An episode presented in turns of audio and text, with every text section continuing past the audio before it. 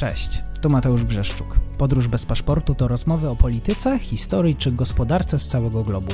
Podcast ze świetnymi gośćmi, którzy chcą się podzielić swoją wiedzą. Zapraszam na YouTube, Spotify i inne platformy streamingowe i nie zapomnij o subskrypcji, jeżeli podoba Ci się to, co robię.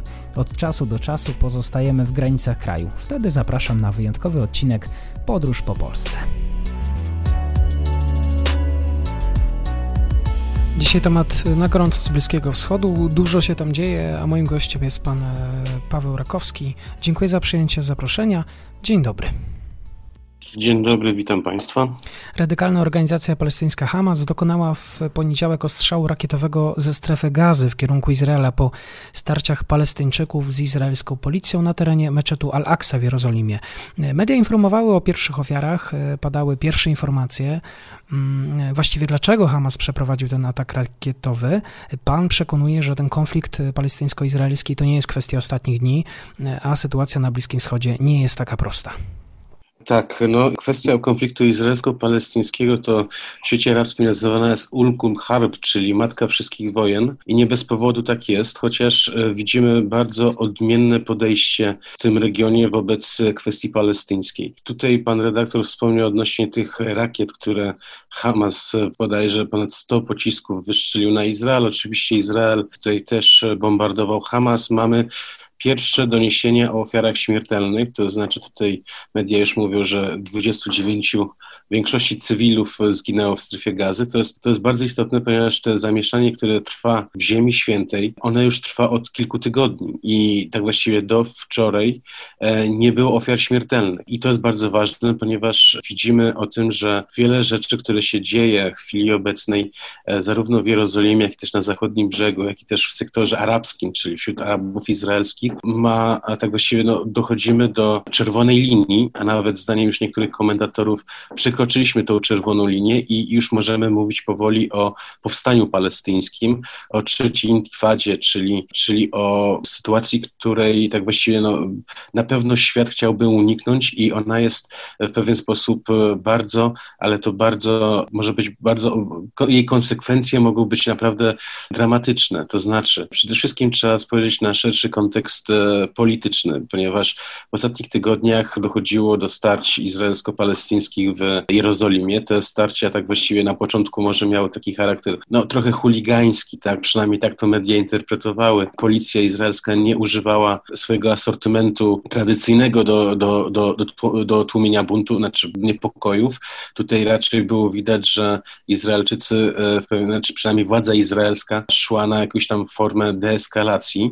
Natomiast w ciągu tak właściwie kolejnych dni i, i niepokojów doszło nam szereg różnych bardzo poważnych ważnych o społecznych i politycznych związkach wydarzeń, to znaczy przede wszystkim kwestia nieruchomości w dzielnicy jerozolimskiej Sheikh Jarrah, e, która tak właściwie no, jest pewnego rodzaju, stanie się na pewno symbolem obecnych, obecnych starć. Tutaj muszę wziąć, muszę wyjaśnić e, słuchaczom, że w Jerozolimie, jak i też na zachodnim brzegu od wielu, wielu lat tak właściwie trwa kampania wywłaszczania Palestyńczyków z ich własnej własno, z ich e, ziemi, domów i, i innych posesji. Ta, ta akcja wywłaszczeniowa jest prowadzona albo legalnie, to znaczy legalnie mówię w cudzysłowie, to, że na przykład armia izraelska konfiskuje jakieś grunty, które uzasadnia kwestiami bezpieczeństwa, no i nazwijmy to po kilku latach od, od stworzenia jakiegoś posterunku, wokół tego posterunku na przykład tworzy się osiedle automatycznie i to jest tak zwana polityka faktów dokonanych. To znaczy, że w pewien sposób no, państwo tylnymi drzwiami tak właściwie pewien proces ukoncesjonowało. Natomiast inne, inna forma przejęcia gruntów palestyńskich zarówno w Jerozolimie, jak i też na zachodnim brzegu, ale też i w Galilei jest taka, że po prostu żydowscy osadnicy, ekstremiści, którzy, którzy tak właściwie widzą świat w analogiczny sposób co do swoich islamskich odpowiedników, tylko że oczywiście pewne drobiazgi są e, warto, znaczy no, żadnych drobiazgów w wartościach nie ma, ale, ale po prostu to jest, to jest pewnego rodzaju ta sama mentalność. Ci ekstremiści tak właściwie dokonują przejmowań e, tych, e, tych nieruchomości czy, czy też posesji drogą wymuszeń i rozbójniczych napadów, agresji, w związku z tym, że szereg różnych tak właściwie no, sytuacji, o których tak, tak właściwie opinia publiczna słyszy, ale być może nie, nie zawsze się interesuje, no, to, to, jest, to jest chleb powszedni, jeśli chodzi o Palestyńczyków we wschodniej Jerozolimie, którzy nigdy nie opuszczają swoich domów. To znaczy, z reguły jest tak, że Palestyńczycy tak właściwie nigdy, nigdy nie zostawiają domów pustych, ponieważ e, zostawienie e, takiego domu, domu pustego naraża, naraża tą nieruchomość na to, że wejdą osadnicy i tak właściwie powołują się na prawo opuszczonego mienia. Razem z, z osadnikami wchodzą ochroniarze, wchodzi policja, no i rozpoczyna się cała procedura, która jest bardzo długo trwała i bardzo męcząca, która po kilkunastu czy, czy kilkudziesięciu latach może i tak się zakończyć z, z, z zatwierdzeniem pewnego faktu, jakim jest po prostu legalizacja przyjętego mienia. Więc to jest chleb powszechny, jeśli chodzi o kwestię palestyńską. O, o, tym media tak właściwie e, z reguły nie interesują się, ale, ale to, to, to są realia okupacyjne, jeśli chodzi o kwestię palestyńską. I e, tak właściwie do tych wszystkich niepokojów, które miały miejsce, zdaniem tutaj psychologów, na samym początku miały one miejsce troszeczkę, były, były, były związane z lockdownem, jak i też z szeregiem różnych no, takich e, chuligańsko, no bardziej chuligańskich ekscesów. Doszła już po prostu stricte, tak właściwie e, ten główny kościec tej, e, tych, tego konfliktu, czyli kwestia mienia. Ponieważ E, Palestyńczycy posądzają żydowskich ekstremistów o to, że oni chcą ich tak właściwie wywłaszczyć się z terenów, a jak, a jak już widzimy, e, jeśli chodzi o kwestię już rozwiązania e, problemu izraelsko-palestyńskiego, to jest kształt i postać przyszłego państwa palestyńskiego, które ma kiedyś powstać. No i tutaj bardzo wiele już dał nam do zrozumienia ostatnia propozycja Donalda Trumpa, w której to niejako Amerykanie już utwierdzili fakty dokonane, takie, że wia część żydowskich żydowskich osad, które są na zachodnim brzegu Jordanu, one pozostaną, to znaczy one będą, wejdą w skład Izraela, natomiast państwo palestyńskie będzie rozczłonkowane na trzy segmenty, trzy kantony, które nie będą miały ze sobą łączności terytorialnej. Oczywiście jest to nie do zaakceptowania dla, zarówno dla po, palestyńskich polityków, jak i też dla palestyńskiej opinii publicznej. Co więcej, jest to, ale jest to do zaakceptowania dla świata arabskiego, ponieważ dramat obecnej sytuacji polega też na tym, że miał odbyć się wybory do autonomii palestyńskiej, zarówno wybory do parlamentu, jak i też prezydenckie.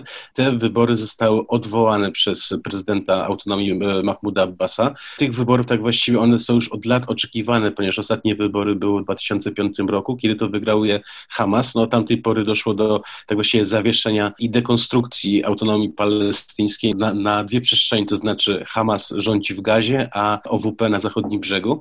Niemniej, jeśli chodzi o kwestię e, braku tych e, tych wyborów, to one też dotyczyły Jerozolimy, ponieważ e, faktem jest to, że Mahmud Abbas w pewien sposób chciał e, sprowokować sytuację, to znaczy on odwołał te wybory, ponieważ Izrael się nie zgadzał na powstanie komisji wyborczych wewnątrz e, Jerozolimy.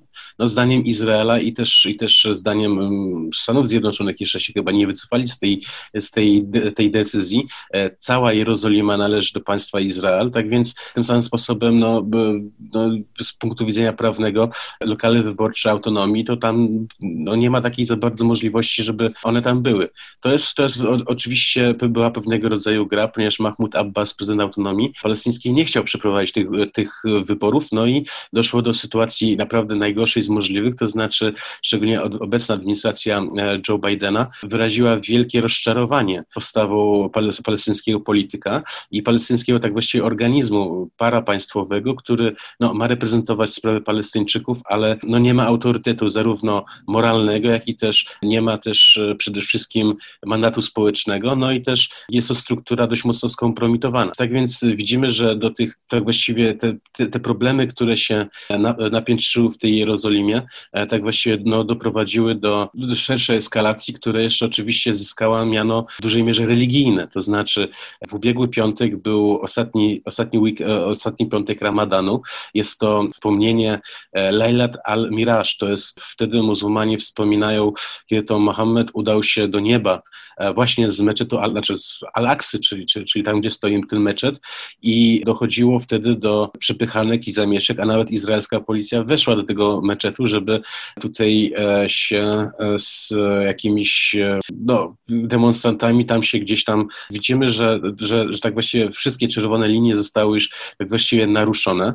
I razem e, tak właściwie do wydarzeń, które doszły, które, które się piętnowały, które się tak piętrowały w Jerozolimie, e, dochodziło oczywiście napięcia, jeśli chodzi o kwestie na zachodnim brzegu, no i też bardzo, co było bardzo, jest bardzo alarmujące, szczególnie dla Izraela, też również tak zwani Arabowie izraelscy, czyli w, w Izraelu mieszka milion siedemset tysięcy Arabów, którzy mają obywatelstwo izraelskie, to są wyborcy izraelscy, no i oni też tutaj w pewien sposób wyrażają solidarność wobec kwestii palestyńskiej. Znaczy, e, nikt w Izraelu nie ma pretensji do Arabów, e, obywateli izraelskich, do tego, że oni wyrażają jakąś solidarność względem e, narodu palestyńskiego czy względem kwestii religijnych, ale chodzi o to, że to, co właśnie dochodzi w ostatnich dniach, to już przekracza poziom akceptowalny przez władze. To znaczy, wczoraj w nocy doszło w miejscowości Lot, po arabsku Lidda, to jest miasto no, w większości żydowskie, ale to jest dawne, dawne miasto arabskie, w którym jeszcze tam mieszkają Palestyńczycy, e, obywatele izraelscy. Doszło do sytuacji takiej, że Arabowie zrywali flagi izraelskie i zamieniali je na palestyńskie to, to czegoś takiego wcześniej nie było. Też w nocy słyszeliśmy o tym, że bardzo strategiczna autostrada e, łączący e, centralny Izrael z, ze wzgórzami Golan, jest pewien odcinek przebiega przez tak zwany arabski trójkąt, to znaczy przez e, obszar, który jest zamieszkiwany przez około 300 tysięcy Arabów sunnitów. No i już w przeszłości zdarzały się takie sytuacje, że demonstraci blokowali tą, tą autostradę, no i to też powodowało bardzo stanowczą reakcję władz. Widzimy też, że wczoraj doszło do takiej próby e, blokady tej, tej autostrady, na którą oczywiście Izrael ze względów strategicznych sobie nie może pozwolić, żeby, no, żeby szlaki komunikacyjne tak, tak ważne, tak, tak, tak istotne dla bezpieczeństwa były odcięte. Natomiast e, dlaczego e, tutaj, zanim przejdziemy do gazy, która też jest oczywiście troszeczkę innym tematem, dlaczego te, te powstanie palestyńskie tak właściwie ma w chwili obecnej no, takie podłoże, które widzimy analogię do przyszłości. Mianowicie chodzi o to, że pierwsze powstanie palestyńskie wybuchło w 1987 roku, to pomijając oczywiście ten aspekt podstawowy, czyli bunt podbitej społeczności, która była okupowana, już w sumie od 20 lat była okupowana i marazm codzienności i to, i to wszystko, co jest zrozumiałe, ale też to był właściwie bunt wymierzony w świat arabski. To znaczy w tamtym, w tamtym czasie Liga Państw Arabskich wyraziła wielkie dezinteresą sprawą palestyńską na rzecz kwestii wojny iracko-irańskiej, która miała miejsce no, w latach 80. to był bardzo poważny konflikt. No i też e, jeśli chodzi o państwa Zatoki Perskiej szczególnie, e, kwestia rewolucji irańskiej, czyli polityka Ayatollaha Khomeiniego, która no, tak właściwie uderza w te, w te państwa bezpośrednio, co, co zresztą widzimy do dzisiaj.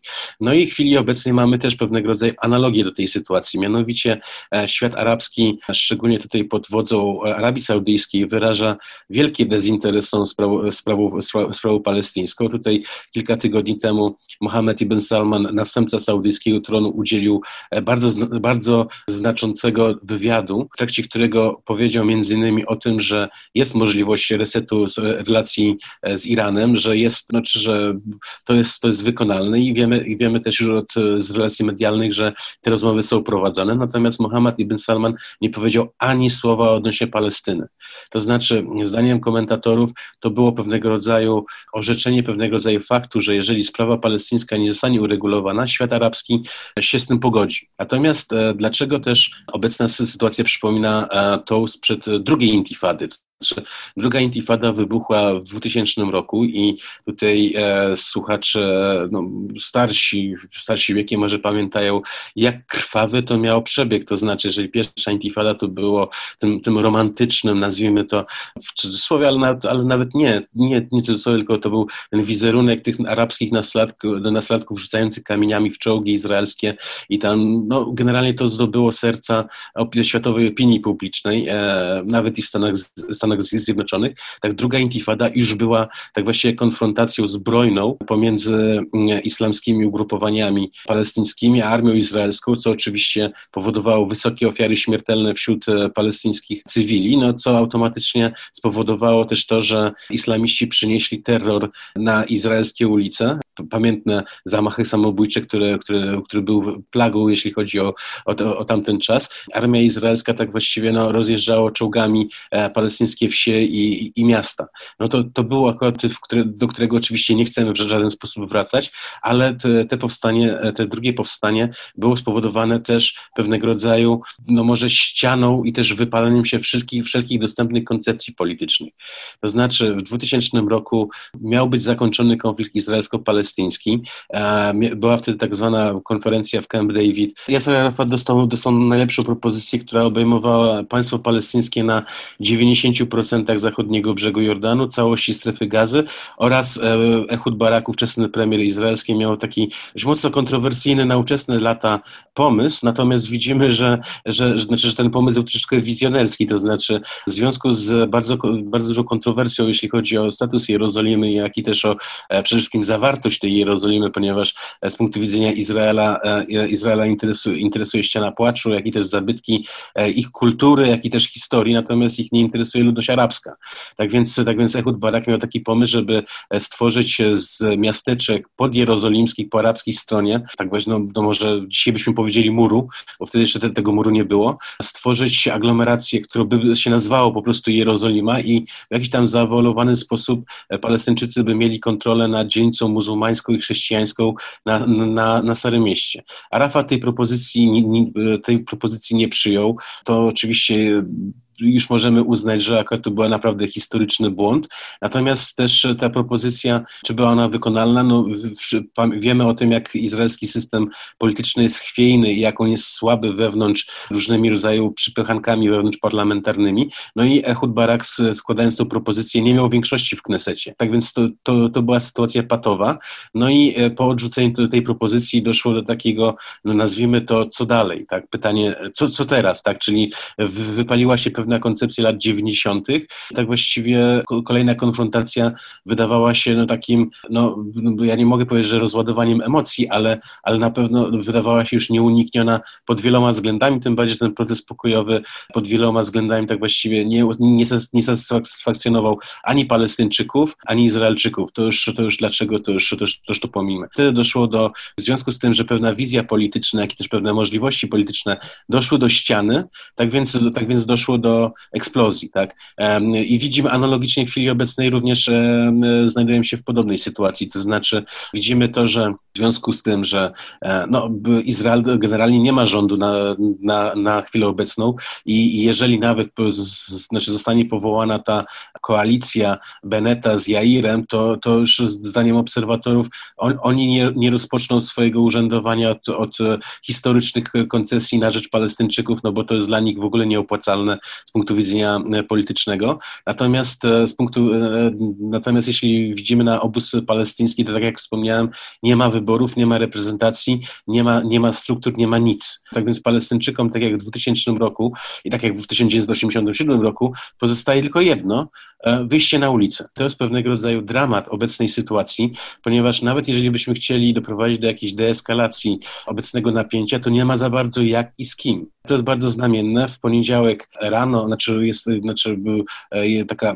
e, saudyjska gazeta Arab News, tak właściwie na pierwszej stronie opublikowała apel papieża Franciszka o spokój w Jerozolimie. To, to, jest, to jest mocno też, też innowacyjne, jeśli chodzi o, o media świata arabskiego, jak i też o Arabii Saudyjskiej, ale też przede wszystkim E, pokazujący trochę tak jakby mm, obecny pad, który, w którym się znajduje cała sprawa konfliktu izraelsko-palestyńskiego, że e, no, tak właściwie no, nie ma dookoła, znaczy no nie, no nie ma tych struktur, nie ma, nie ma z kim rozmawiać. Tak? To, to, to jest ten dramat. Tak więc znaleźliśmy się w, w najgorszej z możliwych e, sytuacji, która oczywiście jest wykorzystywana przez innych. Bardzo ważne są też komentarze idące ze świata. Tak? Znaczy ja tu bardziej się skupię na regionie, to znaczy Arabia Saudyjska, Egipt, Emiraty Arabskie tak właściwie apelują tutaj o wstrzemięźliwość, tak? no i tutaj podkreślają bez jakiegoś e, wielkiego kategoryzmu e, od odnośnie znaczy, znaczy